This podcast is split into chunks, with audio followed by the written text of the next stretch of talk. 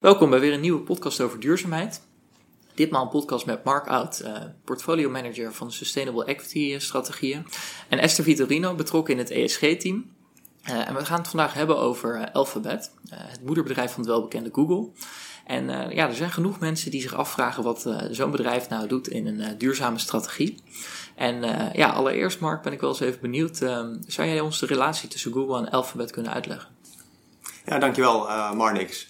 Uh, ja, dat is inderdaad een uh, belangrijk punt om mee te beginnen. Dus, uh, Alphabet is de moedermaatschappij van Google. Vroeger heette het hele bedrijf gewoon Google. In 2015 is Alphabet eigenlijk daarboven geplaatst. om ook ruimte te bieden aan andere activiteiten naast Google.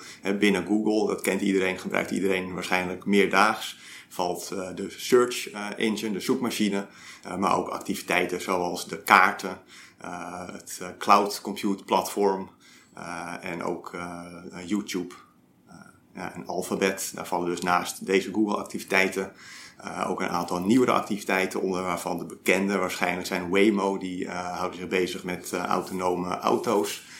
en ook binnen de gezondheidszorg zijn ze actief met Verily bijvoorbeeld. Ja, al bekend. Je kunt er natuurlijk bijna niet meer omheen Google. Maar wat, wat doen wij precies met Google?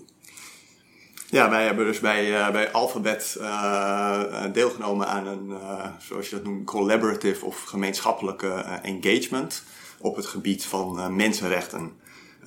Mensenrechten, dat ja, vonden wij bij, bij Alphabet een, toch een, een, risico.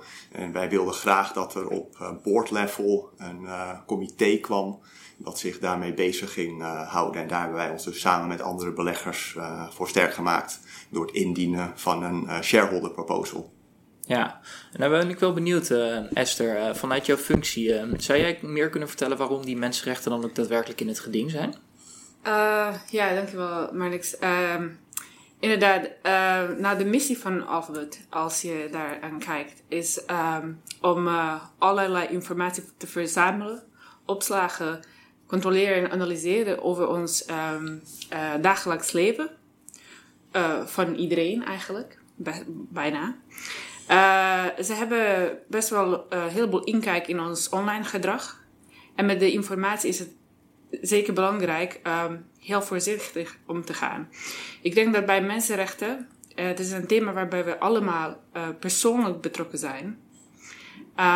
en omdat Alphabet en Google zo grote, zo'n grote organisatie, zo'n grote bedrijf is, heeft een heel grote invloed op ons leven. En het is belangrijk om te begrijpen dat met invloed komt ook een verantwoordelijkheid. Dus dat, daarover willen we het graag uh, met Google hebben of met Alphabet hebben. Ja, en uh, Mark, zou jij nog wat meer kunnen vertellen over wat dan daadwerkelijk die gevaren zijn uh, omtrent mensenrechten bij een bedrijf als Alphabet? Jazeker, ja, zoals Esther al, al schetste. eigenlijk omdat ja, de activiteiten van Alphabet en, en van Google specifiek zo in het dagelijks leven zijn, uh, zijn verweven. En uh, Alphabet natuurlijk ook uiteindelijk een commercieel bedrijf is, die ook de doelstelling hebben in eerste instantie om geld te verdienen. En niet zozeer om hè, mensenrechten te bewaken. Hoewel, daar kan je ook nog wel wat dieper op ingaan of dat wel of niet een doelstelling is. Maar laten we focussen op uh, de commerciële aard van het bedrijf. Uh, ja, en die data, dat, dat, is natuurlijk heel waardevol. Uh, en daar liggen privacy issues tegen ons. Hè, in hoeverre mag Google hè, de data over jou delen binnen de, binnen de platforms. En daarmee eigenlijk heel veel over jou weten. En daar ja, commercieel potentieel misbruik van maken. Een andere engel uh, is ook, en dat is ook in de laatste uh, presidentsverkiezingen en ook nu in de presidentsverkiezingen in Amerika weer een belangrijk thema. Ja, kan je ook niet bewust of onbewust door gebruik van het platform bijvoorbeeld uh, de publieke opinie dusdanig sturen. Ja, dat je daarmee vergaande politieke invloed hebt op het, op het platform. dus ja, dat zijn uiteindelijk die maatschappelijke risico's zijn belangrijk, maar ook voor ons als belegger vertaalt zich dat natuurlijk uiteindelijk weer naar uh, bedrijfsrisico's. Want mocht het zo zijn dat de publieke opinie zich tegen alfabet keert, en dat kan zijn vanuit de consument of vanuit de adverteerder, ja, dan is ook uiteindelijk het bedrijfsmodel van Google uh, at risk. En dat is ook iets wat wij als uh, belegger weer willen bewaken. Ja, dus er zijn eigenlijk twee dingen. Zowel, zowel het, het belang van de samenleving als het belang wat vervolgens uh, daaruit uh, voortkomt voor Alphabet zelf. En ook als aandeelhouder natuurlijk. Um, maar dan is het natuurlijk belangrijk dat er ook genoeg kennis in de boord van Alphabet aanwezig is over mensenrechten. Uh, kun jij daar eens wat meer over vertellen, Esther? Nou, als je kijkt naar de beleidstukken die Alphabet in plaats heeft, of nou, op papier voldoen ze aan, aan veel verwachtingen. Uh, maar om echt een diepgaande kennis uh, te hebben, dat, uh, dat is er nog niet. Daar um, was ook meer onderzoek gedaan door onafhankelijke instituties. En daar zien we dat eigenlijk Google um, nog steeds achterblijft, achter peers, op dit gebied. Ze hebben een, um, helaas een soort van lapjesdeken oplossing te, met, in verband met mensenrechten. In plaats van een echt een overkoppelende uh, beleid, waar ook de, de, de, de bestuurleden, uh, bestuursleden betrokken zijn en kennis hebben. Dus dat gebrek nog steeds. En da daar zien we als een, een active manager en een responsible investor, dat we ook aan dat gesprek um, deelnemen kunnen en bijdragen kunnen om te helpen te laten zien wat we eigenlijk verwachten, hoe een uh, overkoppelend beleid eruit ziet en wat soort van kennis we graag uh, op het boordniveau willen zien bij Alphabet.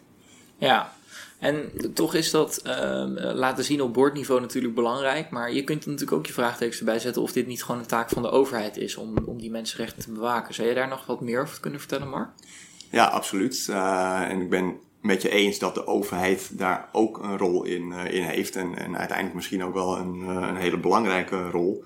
En je ziet ook dat dit een groot politiek uh, thema aan het worden is ook. zowel in de Verenigde Staten als eigenlijk ook in, in Europa. maar een bedrijf zelf heeft natuurlijk ook verantwoordelijkheid. Je kan als bedrijf denk ik niet die verantwoordelijkheid volledig afschuiven.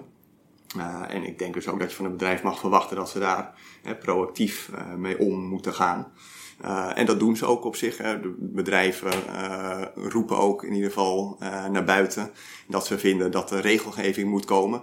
Dan kan je daarvan zeggen, ja, ze proberen de verantwoordelijkheid af te schuiven. je kan ook zeggen, ja, je moet het uiteindelijk ook wel samen doen met je concurrenten. Want ja, als jij, je hebt ook het commerciële belang. Als jij de enige bent die er allerlei strenge maatregelen gaat nemen, dan zet je misschien zelf ook wel buitenspel. Plus, denk ik ook, dan los je uiteindelijk het probleem niet mee op. Want ja, als jij je aan je eigen regels houdt, maar alle andere spelers niet, dan, eh, dan blijft het probleem uh, bestaan. Ik denk wat extra complex is in dit uh, verhaal, human rights, die zijn natuurlijk grensoverschrijdend. deze bedrijven, deze platformen, die zijn ook grensoverschrijdend. De politiek is dat in beginsel niet. Dus misschien dat dit soort bedrijven daardoor nog een extra grote rol hebben in ook het aan de kaart stellen van dit onderwerp uh, dan ja, bedrijven die toch wat meer een lokale en minder mondiale rol uh, spelen. Ja. ja, en is natuurlijk de hamvraag. Jullie zijn met Alphabet in gesprek gegaan. wat heeft Alphabet met deze engagement gedaan? Ja, die vraag was ik wel een beetje bang voor. weinig tot nu toe, als je de negatieve kant wil benadrukken. Maar ik ben een, een positief mens, dus ik wil toch focussen op wat er, wat er wel is bereikt. En even terug naar hoe dat shareholder proposal uiteindelijk tot stand is gekomen. In eerste instantie wilden wij met een groep beleggers uh, dialoog aangaan op dit, uh, op dit onderwerp.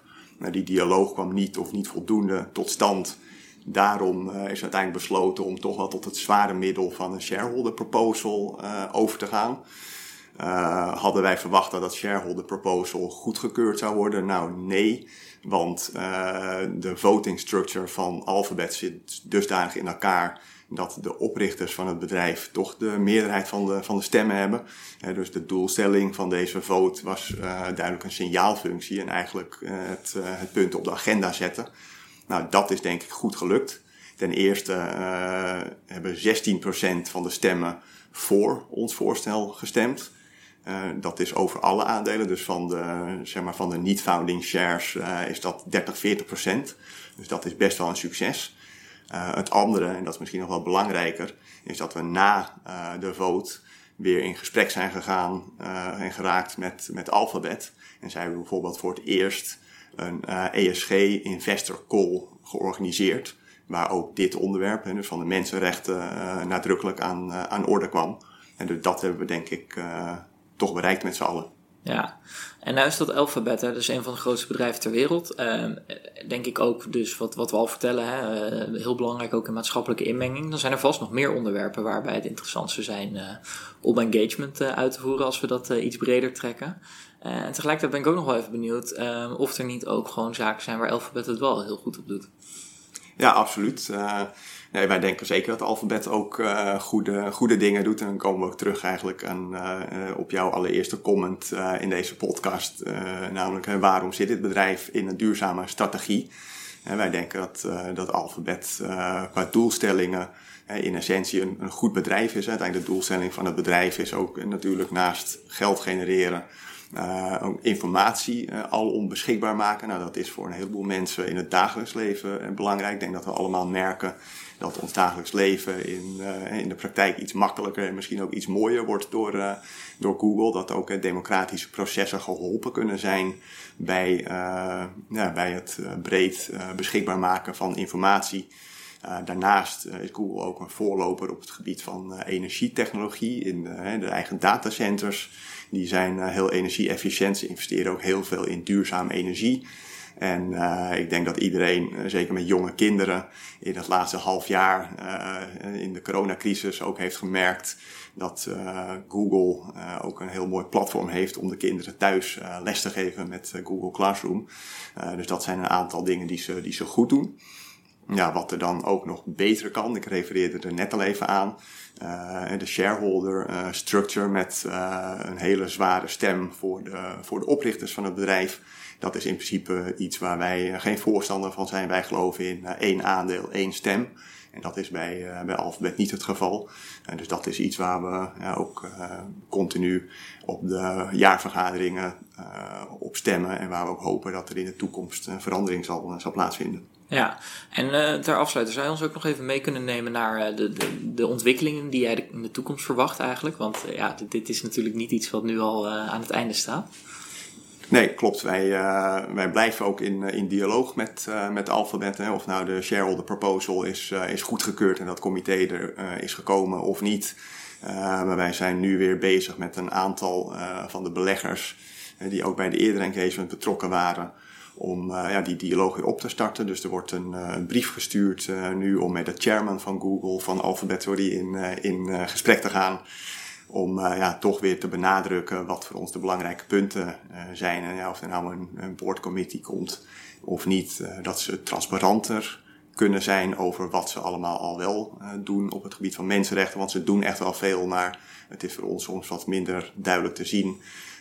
Ja, en ook maar blijven aansturen op, ja, op een betere, beter beleid op dat, op dat vlak. Oké, Mark en Esther, dank voor jullie tijd en uh, we blijven het volgen.